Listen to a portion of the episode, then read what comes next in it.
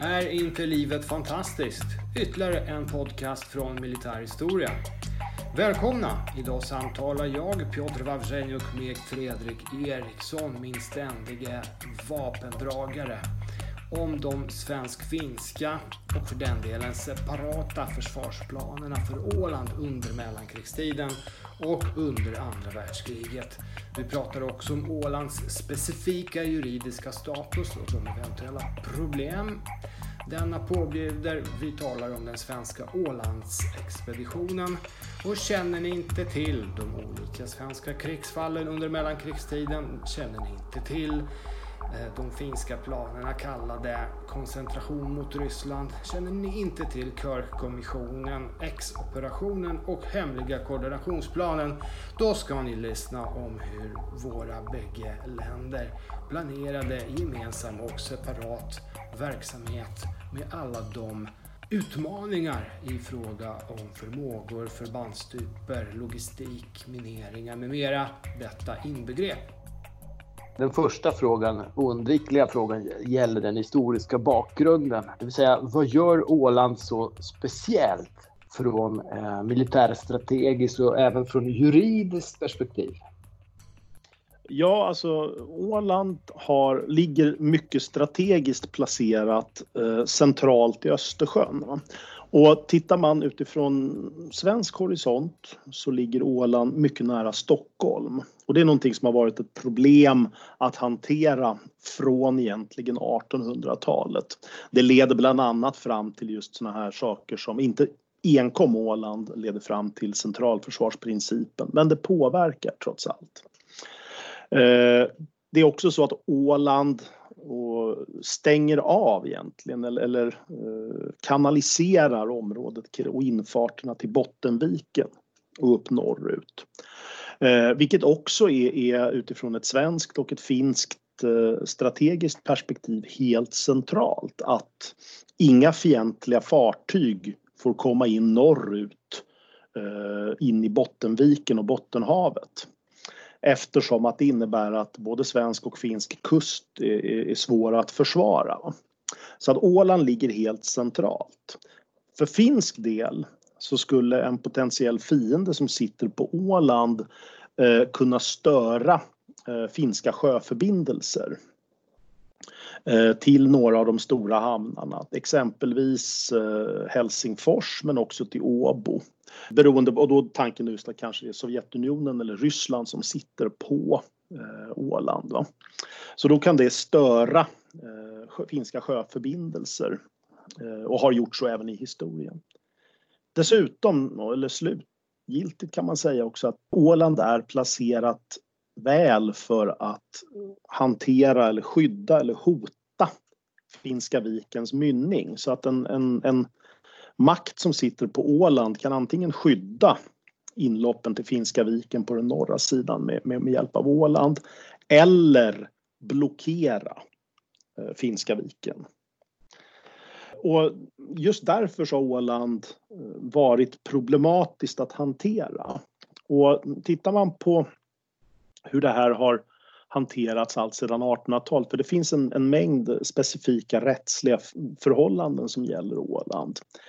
Eh, och en är ju egentligen Ålandstraktaten, eller kallas också Ålandsservitutet. Eh, och det är det som hanterade att Åland demilitariserades och efter Krimkriget. Eh, och det här är det som, som stipuleras egentligen i Parisfreden 1856 där, eh, där egentligen är det ett svenskt krav att Åland inte ska befästas. Eh, och fransmän och britter har ju, har ju egentligen rivit Bomarsund, man har först intagit och sen rivit Bomarsunds fästing på Åland. Och i då freds, fred, fredstraktaten efter kriget så stipuleras att Åland ska demilitariseras. När Finland sen blir självständigt Eh, i, i eh, ryska revolutionens kö, eh, kölvatten så, så eh, genomför Sverige en, en Ålandsexpedition under det finska eh, frihetskriget eller inbördeskriget beroende på hur man vill säga. Eh, och det här blir lite problematiskt Eh, utifrån den finska regeringens synvinkel. Så det finns ganska om, omfattande konflikter mellan Sverige och Finland om Ålandsexpeditionen och Ålands tillhörighet. Men jag tänkte att det, det kan ju faktiskt vara ämnet för en, för en ytterligare en podd rörande Åland längre fram. Eh, det vi bör komma ihåg då är ju att nästa internationella avtal som reglerar eh, Åland, det är den så kallade Ålandskonventionen, det vill säga Nationernas förbunds beslut 1921 att Åland ska tillhöra Finland men med, med kulturell aut, eh, autonomi och att det inte får befästas. Det är alltså fortfarande demilitariserat. Eh, att det är demilitariserat innebär dock inte att det är oförsvarat utan Finland eh, är ju skyldig att försvara Åland i krig.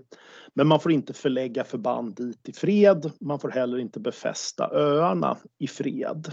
I krig så kan man göra lite vad man vill, men, men, men, men inte i fred.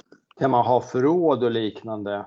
Nej, du, kan in, du, får, in, nej, du får inte ha militära förråd uh, i, i, i fred. Jag har för mig att ålänningar heller inte gör värnplikt på, på, på vanligt sätt i Finland utan man, man tjänstgör i lotsväsendet och liknande. Så att det, det, det, Åland har en, har en mycket speciell status just i förhållande till de här olika eh, fredsförhållanden och fredsfördragen och traktaterna.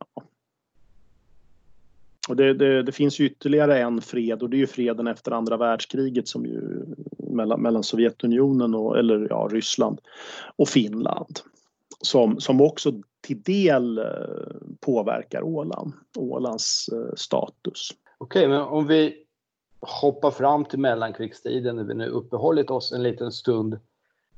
Eh, hur har svensk respektive finländsk militär planering gällande Åland gestaltat sig under mellankrigstiden? Har den följt eh, diverse konjunkturer i, inom, eh, säg, internationella politiken? I vad mån har den relaterat till hotbilder? Men rent allmän, hur har den sett ut? Svensk respektive finländsk planering?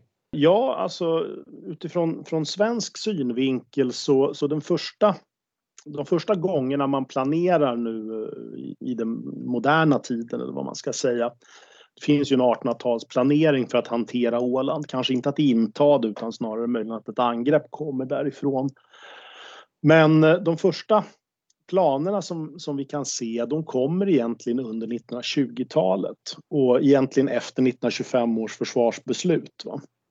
Och 1925 års försvarsbeslut är ju egentligen en den innebär en, en halvering av armén men det innebär också en Eh, att flottan är relativt intakt och att flygvapnet etableras som, som, som eget, egen försvarsgren.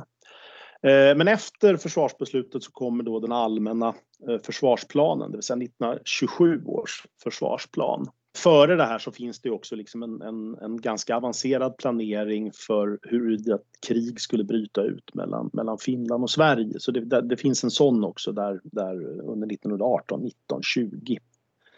Men i 1927 års allmänna försvarsplan så, så egentligen stipuleras ett antal olika krigsfall.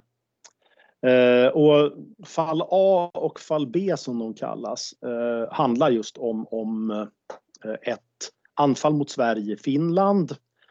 Först då eh, ett sovjetiskt anfall som utlöses mot, mot Finland. Och i fall A så är Finland anfallet men Ryssland har ännu inte nått fram till kusten eller tagit Åland.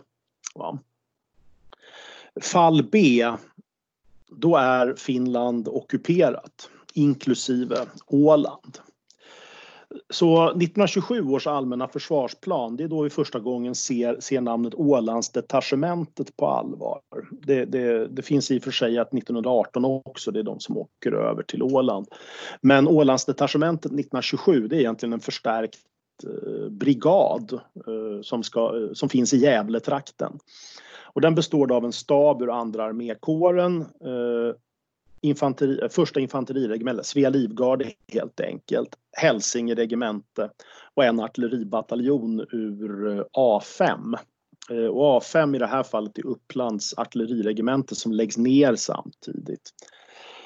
Nästa gång som, som det här på allvar dyker upp i svensk planering det är under 1930 med 1930 års försvarskommission. Va?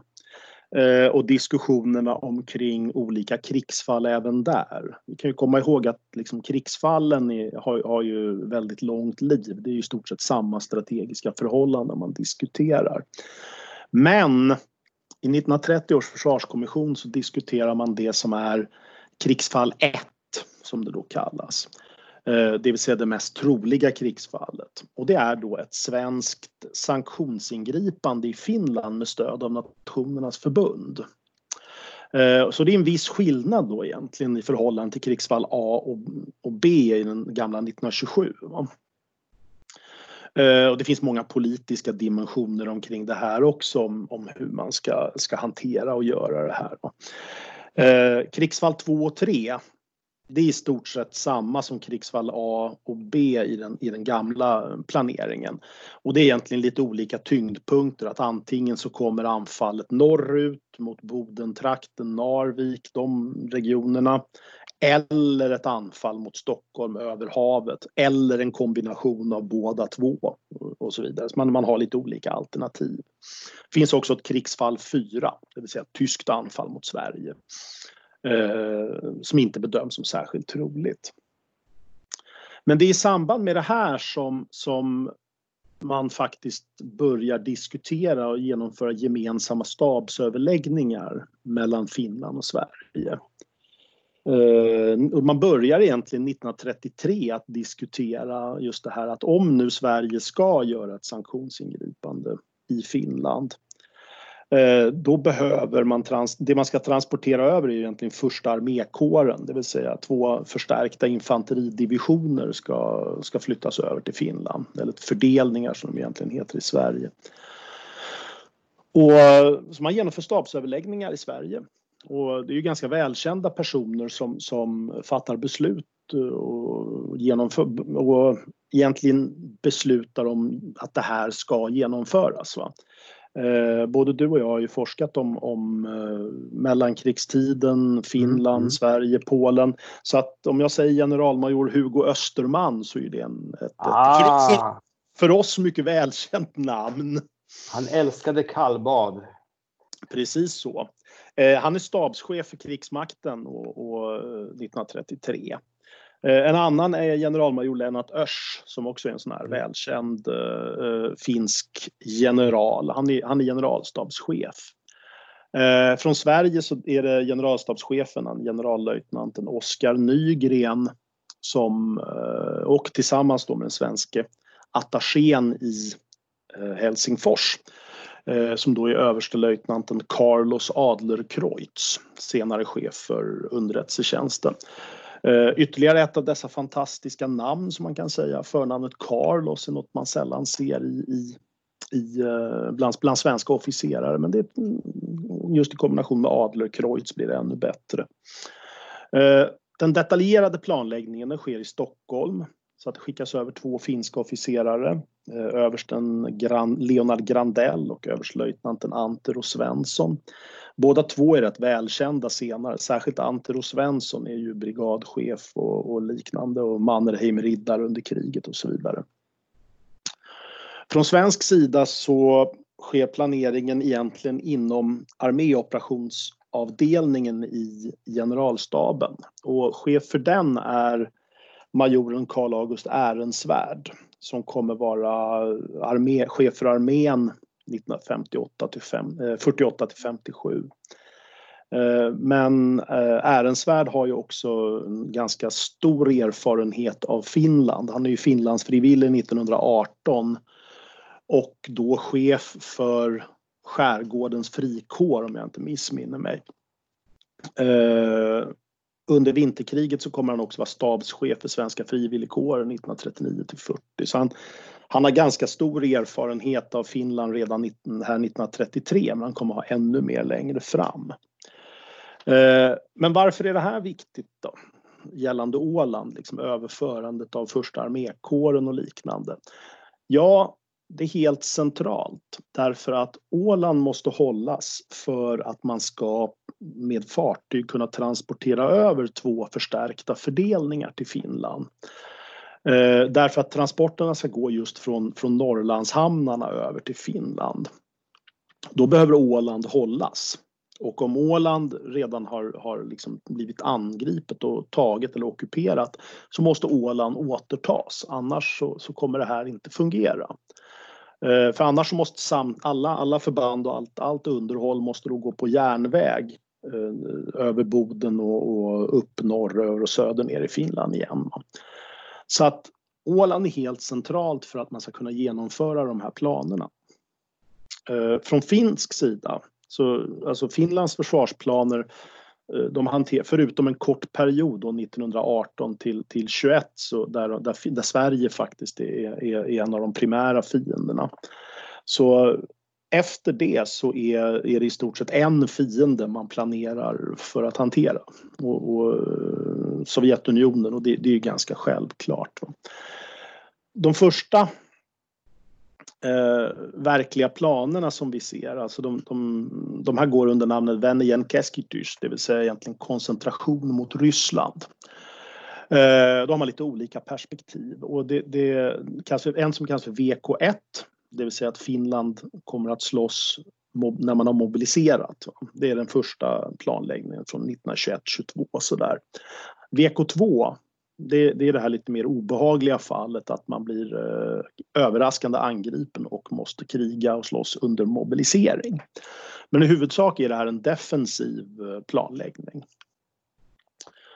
Åland är, är liksom inte särskilt viktigt just i de här sammanhangen förutom att man måste hindra en potentiell fiende att ta Åland. Men Åland är inte alls lika viktigt i de finska planerna eh, jämfört med de svenska. För i de svenska så är det här en av de absolut viktigaste frågorna. Det kommer bli viktigare för finsk del lite längre fram. Eh, nästa stora sån här planläggning man gör under 20-talet det, det, är den här eh, kallade Kirk-kommissionen 1926. Och det är då att Finland har egentligen kontaktat Storbritannien Eh, och anlitat då en, en general heter Sir Walter Murrin St. George Kirk. Jag är tvungen att kolla upp såna här andra och tredje namn. Det är också ett sånt där härligt namn. Jag blir mest förvånad över att du kommer ihåg dem. Jag har antecknat dem. Just därför jag är förtjust i sånt.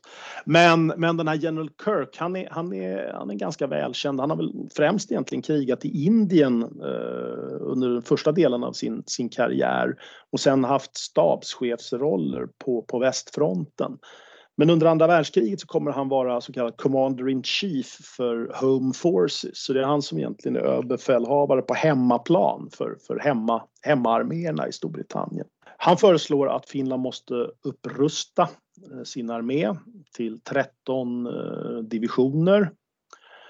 Eh, det är också en mer offensivt inriktad planering där man först måste stoppa en Sovjet, ett sovjetiskt anfall vid defensivt fördelaktiga ställningar för att därefter gå till motanfall. Och det här blir då den så kallade planen VK 1927. Och då, det, då kan ju en, en sån här misstänksam person som börjar också så fundera 1927 års allmänna försvarsplan i Sverige eh, och den finska VK 1927. Och då kan man fråga sig, är det här en slump att man, att man har planer samma år. Va? Eh, och att Sverige då etablerar något som heter Ålandsdetachementet. Ja, eh, man kan, ju, man kan ju misstänka åtminstone att man har diskuterat med varandra i, i det här läcket. Eh, de här två 1927 års plan, det är i stort sett det som man kommer att ha eh, längre fram under 1930-talet också. Man, man, har, man gör vissa förändringar. Det finns en planering från 1934 som kommer just efter de här eh, svenska och finska stabsöverläggningarna. Och då är det som kallas för VK 1934 1 och VK 1934 2. Där den första är en lite mer offensiv version medan VK2 är en lite mer defensiv version och så finns det då liksom olika alternativ i det här. Men det är i den här planeringen som det svenska första armékåren ska sättas in så man har egentligen gjort tio olika fall då där liksom de svenska förbanden ska komma in beroende på hur långt fienden har kommit till Finland och så vidare. Men också VK27, alltså den finska planeringen från 1927, stipulerar att Åland måste besättas. Så att det verkar ju finnas en, en, en svensk-finsk samsyn eh, där Åland måste skyddas och alternativt återtas om det, om det är taget för att man ska kunna hantera liksom de här, eh, den strategiska situationen i Östersjöområdet.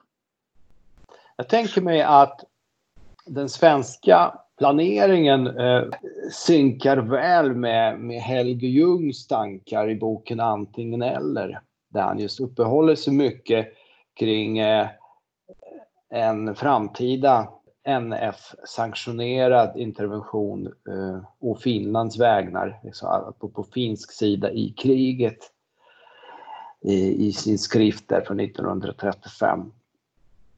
Att det på något sätt också kopplar tillbaka till eh, eh absolut, absolut så. Det kopplar, det kopplar till Åland men det är också kopplat till de här politiska eh, diskussionerna och att från militär sida knyta Eh, politikerna och specifikt socialdemokratin till sig.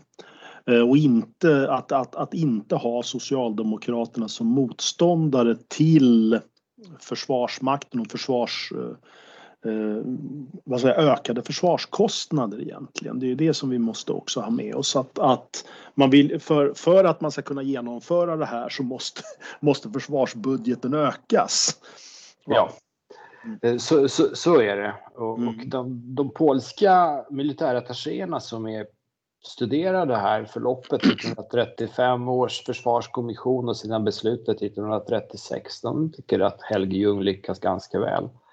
Ja. Och nu när, när du berättade det här så ser jag också hur det här eh, klickar in i tidigare planering och, och politik.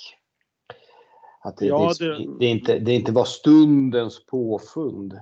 Nej, alltså det, fin det finns ju en, man kan ju se tydliga linjer från 1927 år fram till 1900 överläggningar 33-34 och det som sen kommer att bli eh, det som är koordinationsplanen. För det, det är koordinationsplanen som, som den kallas 1939. Den kallas ju också Ålandsplanen i, i dagligt tal eller Stockholmsplanen. Kärt barn har ju många namn. Men det vi måste komma ihåg är att, är att inga av de här eh, svensk-finska försvarsplanerna i början av 1930-talet löser egentligen de operativa problemen. Alltså hur ska det här verkligen genomföras? Ja, det här för oss också vidare i tiden och då till koordinationsplanen 1939. Eh, världsläget är inte det bästa för att begå en underdrift. I vilken kontext skapas koordinationsplanen? Eh, ja, det som har hänt, det, det, är ju alltså, vi har ju det tyska, alltså Hitlers maktövertagande 1933 och liknande och det, det påverkar väl egentligen inte direkt eh, det här. Man, man ser ju att, att Tyskland möjligen uppkommer som potentiellt hot på relativt lång sikt. Men planeringen kommer på allvar igång efter Anschluss i mars 1938. Det är då man verkligen börjar se att ah, det här kan nog eh, bli, bli ytterligt komplicerat i framtiden. Eh, så svenska och finska regeringarna har en diskussion eh, egentligen under andra hälften av 1938. Och det utkristalliserar sig egentligen två stycken politiska tankegångar där Finland vill avskaffa Ålandskonventionen, befästa Åland i fred och förbereda för försvar.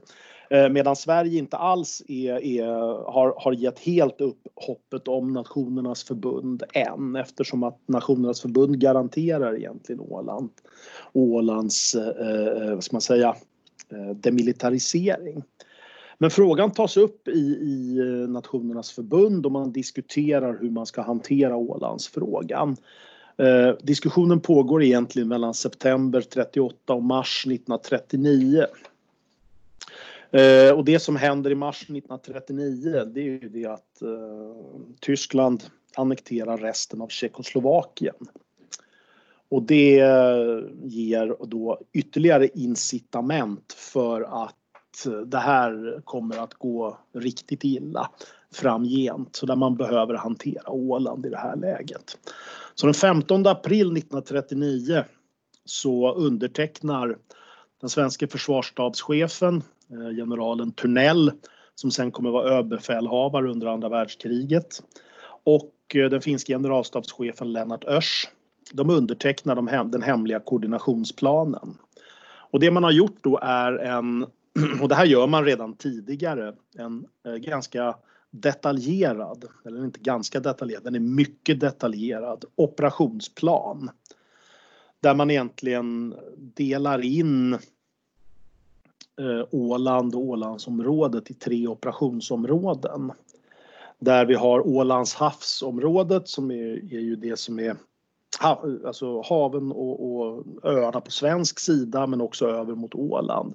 Och det här är ett svenskt ansvarsområde att hantera den, den miljön. Mm. Mm. Sen har vi Ålandsöarna eh, som är ett finskt markoperativt eh, område. Det är de som har befälet till lands. Eh, men det är också, man ska ju föra över svenska arméförband till Åland som då ska underställas den finska chefen. Eh, man kan egentligen säga sådär generellt att Sverige har det marina ansvaret så att Finland ska underställa marina enheter under den finska eller svenska ledningen eh, medan Sverige då för över markförband till Åland som underställs den finska. Det sista operationsområdet är Åbolands skärgård. Det är alltså den finska mm. delen av det hela och det är ett finskt marint område. Eh, och tittar man då egentligen på, på Ålands hav som är det här svenska marina operationsområdet så är ju syftet eh, här, det man ska göra är att hindra all passage norrut och alla landstigningar mot Åland på den här sidan. Eh, samma gäller ju egentligen för Ålandsöarna att där ska man också hindra eh, passage norrut och landstigningar och liknande. Och detsamma gäller för det finska, så man har egentligen samma målsättningar. Chefen för, för eh, det här området är, kallas för chefen marinstridskrafterna Ålands hav. Eh, och till sitt förfogande har man då Ålands havseskaden som den kallas och det här är ju då inte eh, det här är ju inte kustflottan utan det här är ju då äldre fartyg. Men det är trots allt en, en ganska omfattande skada. Man har två äldre pansarskepp. Äran och tapperheten heter de för den delen. Eh, två jagare och fyra patrullbåtar. Men eh, de här marinstridskrafterna kommer förstärkas med hela kustflottan eh, och även Stockholmseskaden som, som finns i området också.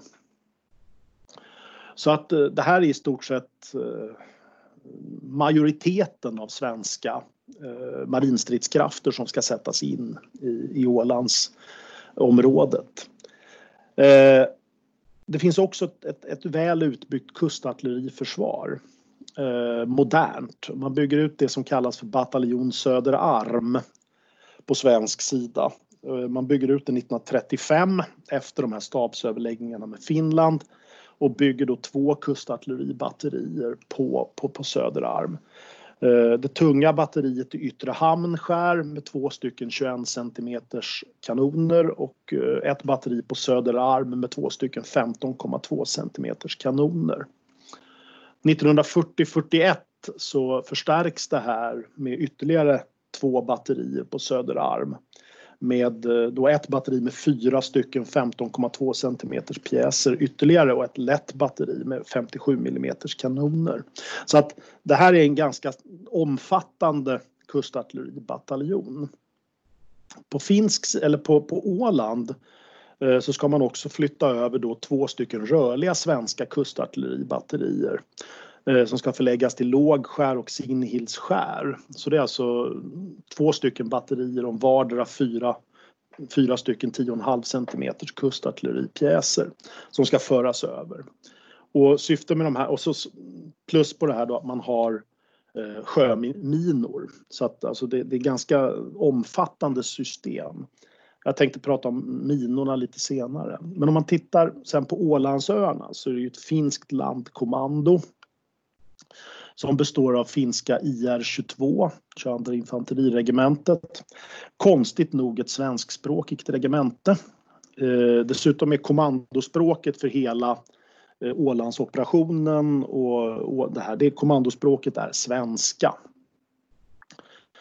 Eh, och det kommer alltså upprättas ganska omfattande kustartilleriförsvar på öarna där man då för över kustartilleripjäser eftersom man inte får förbereda de här eh, i fred. Så det är rörligt kustartilleri som man måste föra över. Eh, och det, det, är en blandning då egentligen av finska och svenska eh, kustartilleribatterier. Men eh, det är, ja, det är, det är en mängd olika batterier. Det är 6, 7, 8 batterier beroende på som ska föras över. Eh, generellt så kan man väl säga att, att Eh, de är indelade i två stycken större bataljoner, kustartilleribataljoner och sen har vi lite enskilda batterier. Eh, som egentligen skyddar ett antal olika inlopp på Åland. Eh, de svenska inre mineringarna ligger i området av Korsö, Björkö, Ledsund. Och då skyddas av egentligen Eh, både svenskt och finskt kustartilleri. De svenska är egentligen rörliga 10,5 cm pjäser. De finska är rörliga 15,2 cm pjäser.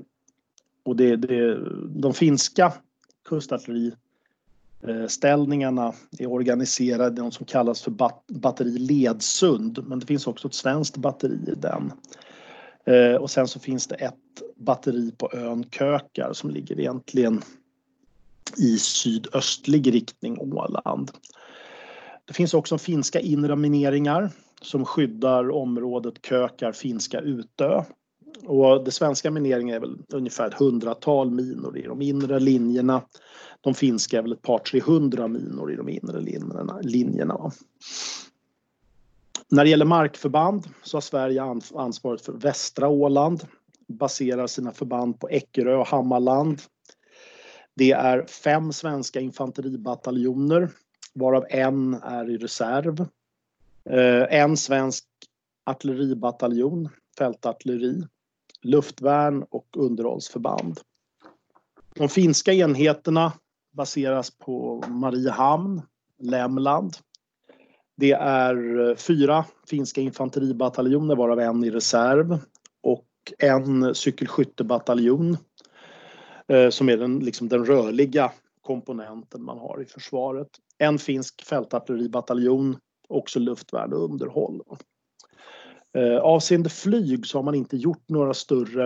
Eh, det är inget flyg som ingår i de här eh, operationerna man talar om. Men man har dock förberett flygbasering på Åland eh, i händelse av att man skulle behöva det. Och det kan man ju anta att man skulle behöva. Om man säger någonting om Åbolands skärgård också så, så det är ett finskt marint område. Och Finland upprättar egentligen 1930 eh, någonting som kallas för Ålands försvarsdistrikt. Eh, och Ålands försvarsdistrikt handlar egentligen om att man rekognoserar på öarna men man lagerställer kustartilleripjäserna som ska föras över så att allting är färdigpackat för att föras över till Åland så fort som möjligt. Eh, det här området skyddas av den finska eh, kustflottan och den ligger ju egentligen baserad i Åbo just för att eh, ja, bra hamn så långt borta från, från Sovjetunionen som möjligt höll jag på att säga i Finland. Va? Så att det är kustartilleripjäser, minor och eh, den finska flottan som eh, ska bevaka det, det området. Och det huvudsakliga problemet, eh, det, det inser man ju ganska snart, det är ju transporten av alla de här förbanden som ska över till till, eh, till öarna. Och den svenska försvarsstaben, man spelar ju på den här bara för att liksom eh, hur lång tid tar det att sammankalla alla förbanden, sätta dem i fartyg, få över dem säkert och så vidare och så vidare. Eh, och man bedömer att det kommer ta ungefär sju dagar att genomföra den svenska överskeppningen. Och för att skydda den här överskeppningen så måste minorna läggas.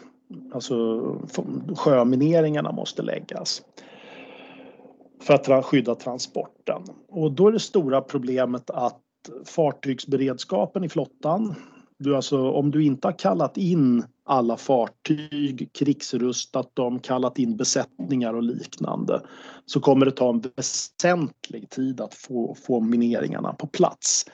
Eh, men tittar man på vad flottans specialorder eh, 1936 är så det första som den svenska flottan ska göra är att minera passage till Åland inom 72 timmar efter order. Så det ska man på tre, på tre dygn ska man i stort sett eh, ha genomfört mineringarna till Åland. Men det är den första uppgiften man har.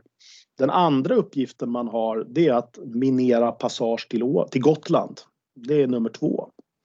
Nummer tre skydda transporter till Gotland och nummer fyra skydda transporter till Åland. Så det är att man har de fyra mest väsentliga uppgifterna som den svenska flottan har att genomföra är dessa. Eh, och säger man då någonting om mineringarna så, så är det egentligen två mineringar. Man har den norra mineringen som ligger norr om Åland egentligen och blockerar in, in, in, eller inpassagerna i Bottenviken. På svensk sida handlar det om 200 sjöminor eh, som länkar i ett, en finsk minering som är ungefär lika stor. Eh, sen har vi den södra mineringen och det, den är mycket, mycket större och går söder om Ålandsöarna. Från svensk sida så handlar det om ungefär 1000 sjöminor som ska läggas. Eh, som länkar då i den finska, en finsk minering på ungefär 300 sjöminor. Eh, och det här är de yttre minfälten och sen har vi de som jag nämnt tidigare, de här inre mineringarna. Eh, men som jag sa så är det ju också att Sverige har ju det marina ansvaret. Så det man behöver sätta, och kustflottan ska ju sannolikt sättas in i den här operationen för att Eh, egentligen hantera de stora, eh, de stora marina hoten. Eh, så den svenska flottan har, har i uppgift att spana eh, på fienden, leta, sö, söka upp fienden. Och då, kan man ju, då finns det ju det i kustflottan har ju Eh, flygplanskryssaren Gotland, alltså man har eh, en, eh, den, det fartyget som ingår i det som kallas för spaningsdivisionen. Men man har också en sjöflygtänder då som, som ett, ett sådant gammalt pansarskepp man har byggt om. Men det handlar spec, specifikt om flygspaning för, att, för att identifiera var fienden möjligen kan finnas.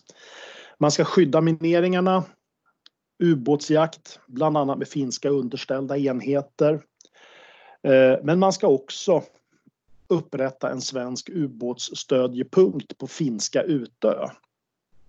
Som då ligger egentligen också i sydöstlig riktning alldeles vid inpassagen i Finska viken. Eh, och då kan man ju notera att i den svenska kustflottan så finns här ubåtsdepåfartyg och eh, en ubåtsflottilj i åtta ubåtar. Och det är de som då ska förläggas just till finska Utö. Så att det kommer alltså finnas en svensk ubåtsbas alldeles i inpassagen till Finska viken. Och det kan man ju tänka sig en potentiell fiende tycker är, är lite sådär. Eh, så att det, fin det finns en ganska väsentlig planläggning. Men eh, givet det jag sa tidigare, just att problemen med fartygsberedskap, manskap, alla såna här saker. Så drar eh, svenska general, eller försvarsstaben slutsatsen att det här måste sättas igång redan i fred, alltså långt innan det blir krig och fara och färde för att det här ska vara liksom en, en för möjligt att genomföra överhuvudtaget. Eh, där givet just alla inkallelser och liknande. Så att eh, i stort sett så behöver man kalla in förband och sådant i mycket, mycket god tid innan. Och det här är det som hela tiden kommer vara problemet. Va? Och det som är problemet egentligen för alla, alla militära eh, och politiska chefer. När ska man sätta igång då? Alltså vilka, på vilka föraningar ska man sätta igång? Men man kan, man kan notera då att eh, om man tittar på den finska övertransporten som kommer gå i huvudsak inom skärs. Den kommer gå i skärgårdsterräng. Eh, och avstånden är dessutom kortare eh, till ja. Åland. Så att det här det är alltså ett, eh, området är, är inte så, så problematiskt att hantera. Va? Så den svenska transporten är mycket mer problematisk.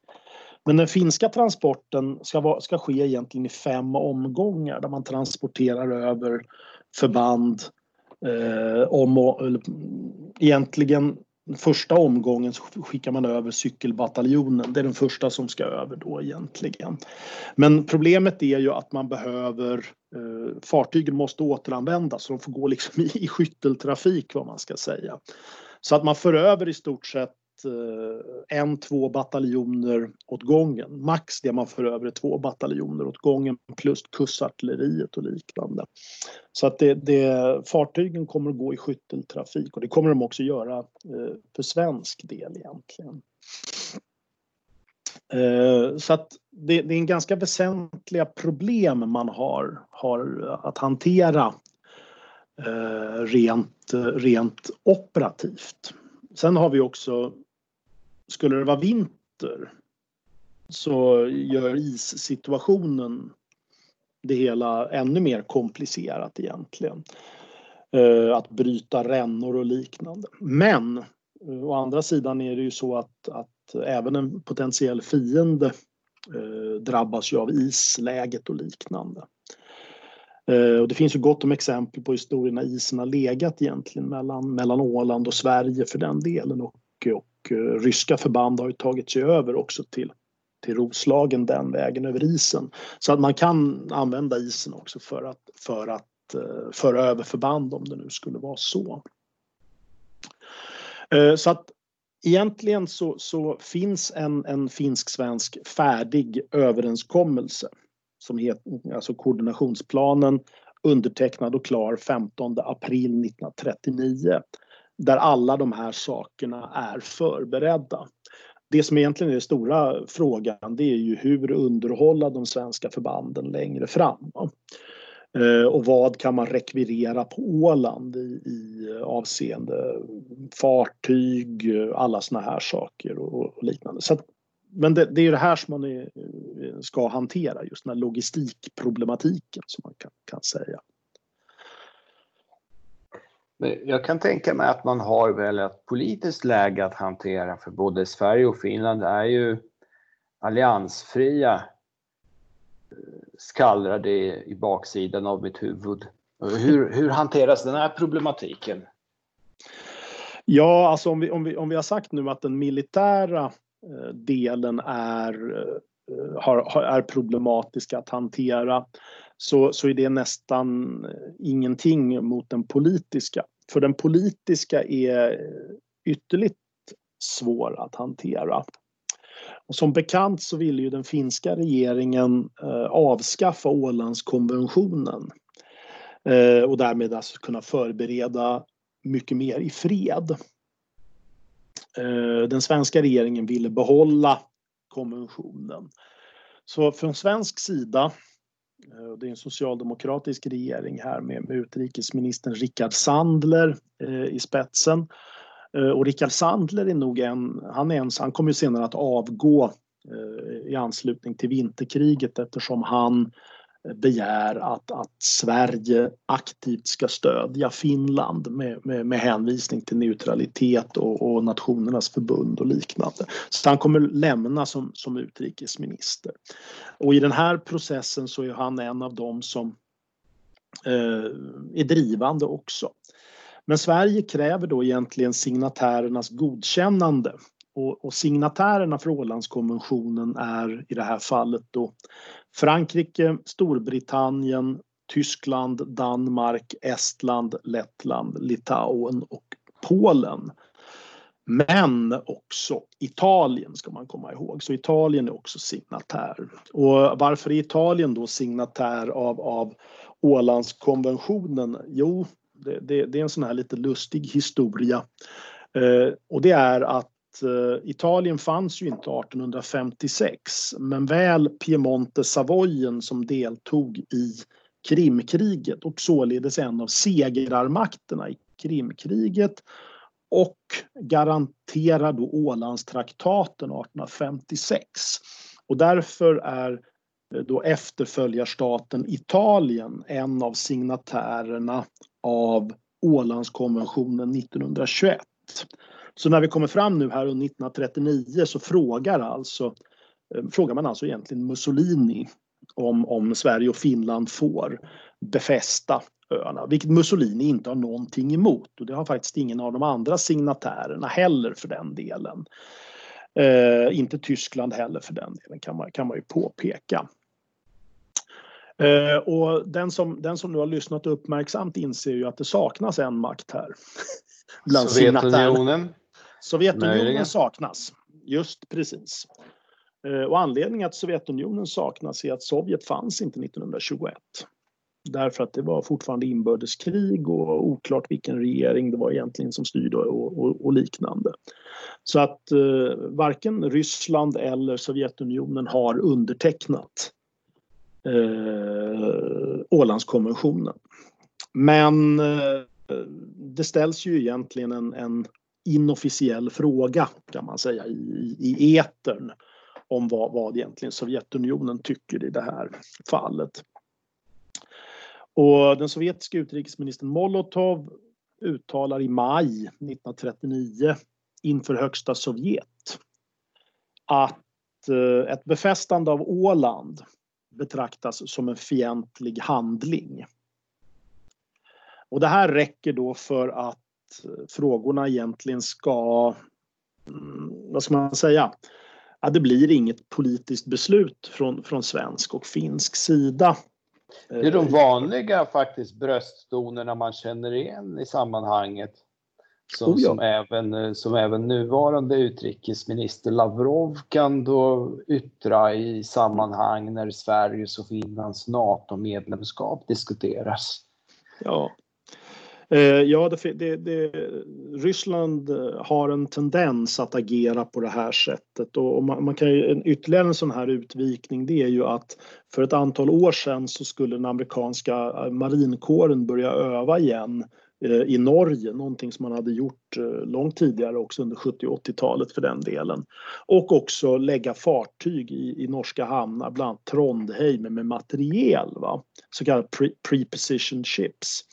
Eh, svaret på det här eh, blev att eh, Eh, alltså ryska uttalanden om att nu måste kärnvapnen riktas om och för att kunna ta bort liksom, Trondheim och alla såna här saker. Va? Och det kan man ju fråga sig om, om det är en, liksom en fullständigt rimlig, eh, rimligt agerande att, att, att, att ägna sig åt dylika påtryckningar där, när ett NATO-land övar i ett annat NATO-land enligt en överenskommelse dem emellan. Det är ju knappast någon hemlighet att Norge är medlem i NATO menar jag. Det, det, så att Rys, Ryssland har en tendens att agera på det här sättet. Det var kanske en liten utvikning. Men, men 1939 så leder det här till att den svenska regeringen särskilt drar öronen åt sig och inte eh, ratificerar de här sakerna. Men eh, utifrån en politisk synvinkel så får det här egentligen ingen betydelse. Eller från en militär synvinkel så får det här egentligen relativt liten betydelse. Eftersom att det, det finns trots allt en hemlig överenskommelse mellan svenska och finska generalstaberna eller försvarsstaben och generalstaben att man ska genomföra det här vid behov. Eh, så att den här, det sovjetiska uttalandet i juni det föranleder snarare att att man från svensk sida inser att ja, ja, risken kanske egentligen ökar med det här ryska uttalandet. Så det man gör är att man förändrar planen och lägger till det att ja, vi kanske ska flyga in tusen man istället. med hjälp av flygtransporter till Åland. Och då kan man ju notera att flyga in tusen man och det kommer man heller inte göra i en omgång. Men det här kommer i stort sett ta alla flygtransportresurser som finns i Sverige i anspråk. Och det, det illustrerar lite hur viktig den här frågan trots allt bedöms vara. Va? Eh, och då är inte alla bara militära flygresurser utan det är nog sannolikt även alla civila också. Så att samtliga flygplan i riket måste nog tas till eh, tas för att göra det här, transportera tusen man med utrustning till Åland. Så det, det är en helt avgörande fråga egentligen. Men det, verkar, det finns trots allt inte någon, någon, någon politisk eh, överenskommelse eh, rörande det här. Och i finsk debatt så har det här blivit, alltså det, det, det har ju betraktats som, som ett svek från svensk sida. Eh, och det, det, är egentligen svårt att säga någonting annat att, än att det faktiskt är det också på det, ganska mycket. Eh, den som man kan, men trots att det här eh, den politiska processen eh, slutar egentligen i, i, inte katastrof, men, men slutar på ett dåligt sätt från, från, från svensk synvinkel där man har tänkt sig egentligen att även Sovjet kommer att acceptera detta. Eh, och då, det här är ju då före Molotov-Ribbentrop-pakten så att man tänker sig då att Sovjet ska gå med på att Sverige-Finland befäster Åland i händelse av ofred mot Tyskland. Det är, det, är, det är det man försöker spela på, den här motsättningen mellan Sovjetunionen och Tyskland. Eh, men det försvinner ju ganska snart när Molotov-Ribbentrop-pakten undertecknas alldeles innan kriget bryter ut. Och så tittar man då det som händer under eh, ja, vad, efter. Vad händer under andra världskriget? De här situationen förändras ju flera gånger. Oh ja. Mm. Hotbilden liksom är olika intensiv gentemot eh, Sverige åtminstone. Uh, ja, gentemot Finland också. Fin Finland är, är, ju, är ju synnerligen hårt drabbat egentligen av, av, av kriget. Som du säger så, så kriget och hotbilderna Eh, Eh, är lite olika för Sverige och Finland under kriget. Och Finland drabbas ju egentligen hårt av kriget och är i krig flera gånger. Eh, och det här berör också Åland på, på flera olika sätt. Eh, tittar vi vad som händer under vinterkriget i, när det bryter ut så Sverige och Finland har en diskussion redan i oktober 1939 när man, när man tar upp den här frågan. Eh, och som vi sa så, så från finsk sida betraktar man det här, eh, det svenska agerandet eh, som ett svek. Eh, det är svårt att säga något annat. Men det man egentligen diskuterar är från finsk och svensk sida. Från Finland frågar Sverige har Sverige någonting emot finsk trupp på Åland? Sverige svarar absolut inte. Eh, kan Sverige leverera ammunition och krigsmateriel till Finland i händelse av krig? Svaret är absolut, det kommer Sverige göra. Eh, kommer Sverige själv delta med trupp för att skydda Åland om det blir krig? Och där blir svaret nej, Sverige kommer inte göra det. Och när vinterkriget väl bryter ut i december 39 så besätter Finland Åland med de förband som man själv har, har eh, eh, avdelat för, för, för detta. Sverige lägger den norra mineringen på svenskt vatten eh, men inte den södra som skyddar då hela Åland söderifrån.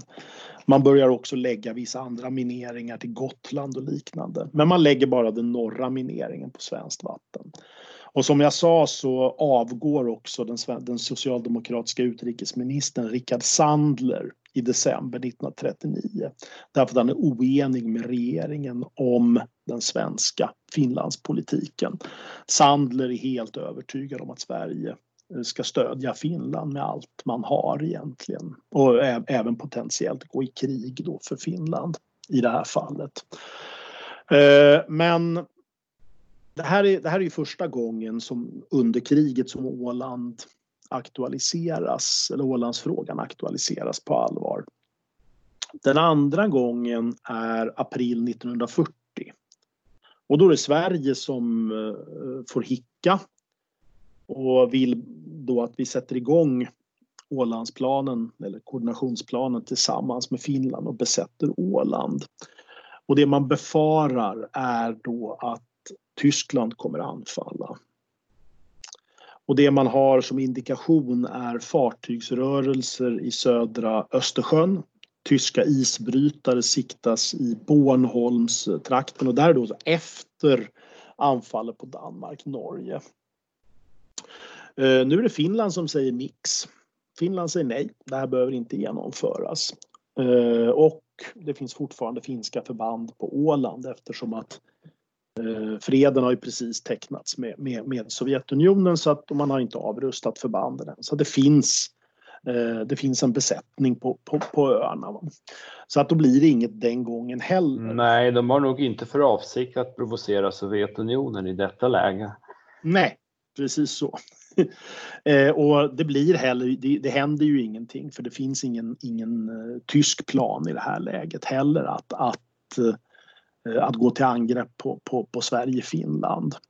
Det som syns nästa gång det här, liksom, den här frågan blinkar till eller blinkar till, den här förekommer ju egentligen hela tiden. Eh, det är omkring Operation Barbarossa sommaren 1941. Och då har den bytt namn egentligen. Den här heter då egentligen inte längre koordinationsplanen på svensk sida utan eh, den kallas för X-operationen. Och det indikerar också att det här, det här är någonting som man inte riktigt vill. Man vill inte att det ska vara tydligt vad det här handlar om. Eh, man har ökat eh, de svenska trupperna som ska föras över till, till Åland till 8400 man. Det är alltså en väsentligt större, det blir näst, nästan en fördubbling av antalet eh, soldater som ska föras över. Den första omgången, 2200 man, ska skeppas över på hjälpkryssarna Varun Varia. Det är alltså två stycken färjor som är tagna i flottans tjänst och beväpnade med, med, med, med kanoner och liknande. Och sju jagare. Det som är den stora fördelen nu utifrån beredskapshänseende 1941 det är att flottan är rustad. Så nu har man fartyg. Eh, vissa av mineringarna är lagda och liknande så att den här kan sättas igång mycket snabbare än tidigare. Den första omgången är som sagt fartygen som går. Samtidigt så flyger man över 2600 man till Åland. Tredje omgången 3500 man ungefär ska skickas på civila fartyg. Eh, och så den fjärde omgången eh, då man ska komplettera eh, det här med en motoriserad kavalleribataljon och kustartilleri. Det som ska skydda är första flygeskadern och kustflottan. Så att alltså det är en väsentligt mycket större operation från svensk sida. Men den är också mycket mer Eh, detaljerad. Man har förbanden på plats. Det är en, det är en lite annan situation. Och särskilt för flottans eh, vidkommande. Samt att man har faktiskt också lagt till flyg. Det, det, det, lägger, det är en underlättar egentligen. Men nu är det också så att man ska skydda trans, flygtransporten av svenska förband. Så det är en lite annan situation. Som vi alla egentligen känner till så genomförs inte X-operationen. Det, det, är någonting som, som, eh, som inte blir någonting av. Det som Finland däremot gör är att den 23 juni 1941 eh, så besätter Finland Åland med 5000 man plus artilleri och kustartilleri. Och det är egentligen precis när kriget börjar bryta ut. Så man, man besätter Åland omgående. Eh, styrkorna på Åland dras ner först efter att Hangö faller i december 1941. Och Hangö är då den, finns, eller den ryska garnisonen i Finland som eh, förläggs dit efter fredsavtalet egentligen, mellan Finland och Sovjet i vinterkriget. Eh, och det är också där den, den svenska frivilligkåren som, som deltar under fortsättningskriget först slåss. Och sen så skickas de, de flesta av dem hem och så blir det fri, frivilligkompanier. De slåss på Hangöfronten. Men efter Hangö har fallit så är hotet mot Åland mycket, mycket mindre. Och därför dras de styrkor som finns där ner. Eh, och sen är, sen är situationen på Åland relativt lugn fram till 1944. Och det som händer då på Åland är dels att Tyskland börjar tryckas bort från de baltiska staterna. Eh, man är tvungen att häva belägringen av Leningrad och sådana saker och trycks liksom i söderut in i Baltikum och, och, ja. och söderöver in i Vitryssland och de områdena. Så att eh, helt plötsligt börjar Finska viken öppna sig igen. Det är ju fortfarande ett av de mest minerade områdena i, i norra Europa är just Finska viken så att det finns minspärr på minspärr på minspärr i, i Finska viken. Samtidigt börjar ju Finland dra sig ur kriget. Finland har ju, har ju egentligen, man, man har ju fred, pågående fredsförhandlingar egentligen med Sovjetunionen och Tyskland ska lämna Finland. Det här kommer ju sen bli Lapplandskriget, eh, Operation Birke i norr där man då drar sig ur och in i, nord, i Nordmark i Norge. Eh, men då finns det en tysk planering som heter Tanne Ost och Tanne Väst. Och Tanne Väst är en tysk planering att ta Åland. Eh, Tanne Ost är en plan för att ta ön Hogland mitt i Finska viken och där upprätta en tysk garnison. Syftet med att hålla Åland och Hogland är att man genom de här, kontrollera de här öarna kommer kunna hålla Finska viken stängd eftersom man kan bevaka minfälten därifrån med flyg och liknande. I alla fall från Åland kan man ha förlägga flyg, inte Hogland sannolikt. Eh, Tanne Ost, anfallet mot Hogland, genomförs den 14 9 1944 eh, och eh, tyskarna anfall, angriper med ungefär 1500 man mot en, en mindre finsk garnison. Eh, och den fin finnarna sätter sig till motvärn så det blir hårda strider på de här öarna. Eh, finska fartyg eh, går till anfall mot de tyska Eh, landstigningsfarkosterna eh, främst finska motortorpedbåtar. Så att eh, de, finnarna besegrar den här tyska landstigningen. Operation Tanne Väst den genomförs inte. Dels därför att man har brist på förband. Så de förband som man hade tänkt att använda för den här operationen de är insatta på östfronten. Eh, man har heller inte fartyg, brist på landstigningstonnage. Men också att Sverige varnar Tyskland eh, från att genomföra den här operationen. Och eh, man rustar också de här förbanden som man avsåg använda Eh, Eh, i X-operationen 1941. Det är i stort sett samma planering så att de här förbanden sätts på krigsfot och är färdiga att föra, föras över till Åland. Så egentligen så indikerar man för Tyskland att, att eh, genomför ni det här då kommer, då kommer vi se det som en fientlig handling. Eh, så att, och det här indikerar, alltså, det är ganska tydligt hur Sverige tuffar till sig ganska mycket när vi börjar komma fram under 1944. Vilket har att göra också med att Tysklands krigslycka har vänt en aning. Eh, men eh, det här är egentligen det som är läget under, under andra världskriget. Så det här är sista gången vi ser det där blinka till. Ja, det svenska agerandet eh, verkar ju ganska rationellt där i sistnämnda fallet. Givet att en tysk verksamhet på Åland skulle kunna dra till sig då sovjetiskt intresse, då skulle man ha en annan eh, mycket mer formidabel potentiell fiende på plats ganska nära. Om vi, om vi tänker lite kontrafaktiskt. Mm. Ja, absolut. Det, det, är ju, det, är, det är det här man vill undvika till varje pris. Från svensk sida vill du ju undvika att ha sovjetiska förband på Åland. Men eh, i, i än högre grad vill man ju undvika att ha eh, sovjetiskt flyg baserat på Åland. Därför att eh, avståndet till Stockholm är mycket kort vad det gäller eh, exempelvis flyganfall mot Stockholm eller liknande. Så att man, man, man vill absolut inte ha något, något fientligt Eh, baserat på Åland överhuvudtaget. Och det, det är ju det här som hela tiden är målsättningen. Och det, det, kan, det, det är en ganska intressant eh, aspekt för därför att om man, om man drar ut den här frågan till idag så är det ju det är ju, sam, det är ju samma lagrum som reglerar den här frågan idag.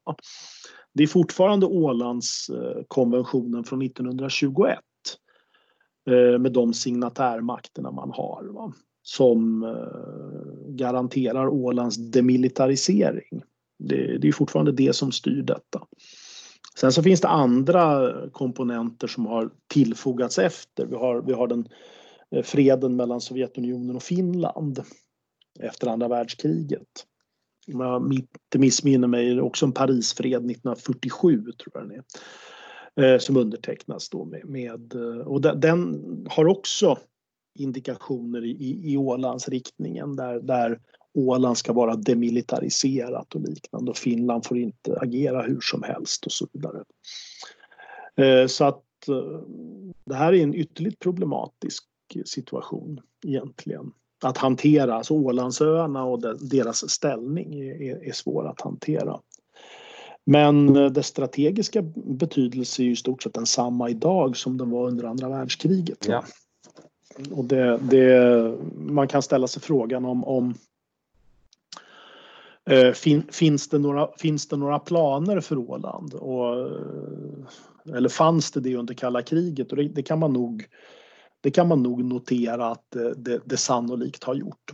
Det, det, det finns ju, Eh, tittar man på de sista svenska krigsplanläggningen som är offentliggjord från 1970-talet eh, så kan man notera att, att det, finns, det finns en infanteribrigad eh, som står i Gävle och då kan man fråga sig vad finns det i Gävle som är, är, är så pass viktigt att skydda? Eh, då kan vi också komma ihåg då att man, att man när kustartilleribataljonen Söderarm och liknande finns ju kvar. Va? Så att ja, Ålands hav är ju sannolikt spärrat på något vis med, med artilleri och miner och allt möjligt roligt som finns där och flyg för den delen. Men vad finns det då i Gävle som ska skyddas av en, av en infanteribrigad? Eh, och det framgår inte vad, vad, den har för uppgifter i den, i den krigsplanläggningen. Men man kan, man kan tänka, det är inte helt olikt Ålandsdetachementet 1927. Va? Eh, så man kanske kan dra en slutsats att det finns eh, eller har funnits, kanske, en svensk planering för, för Åland, att hantera Åland.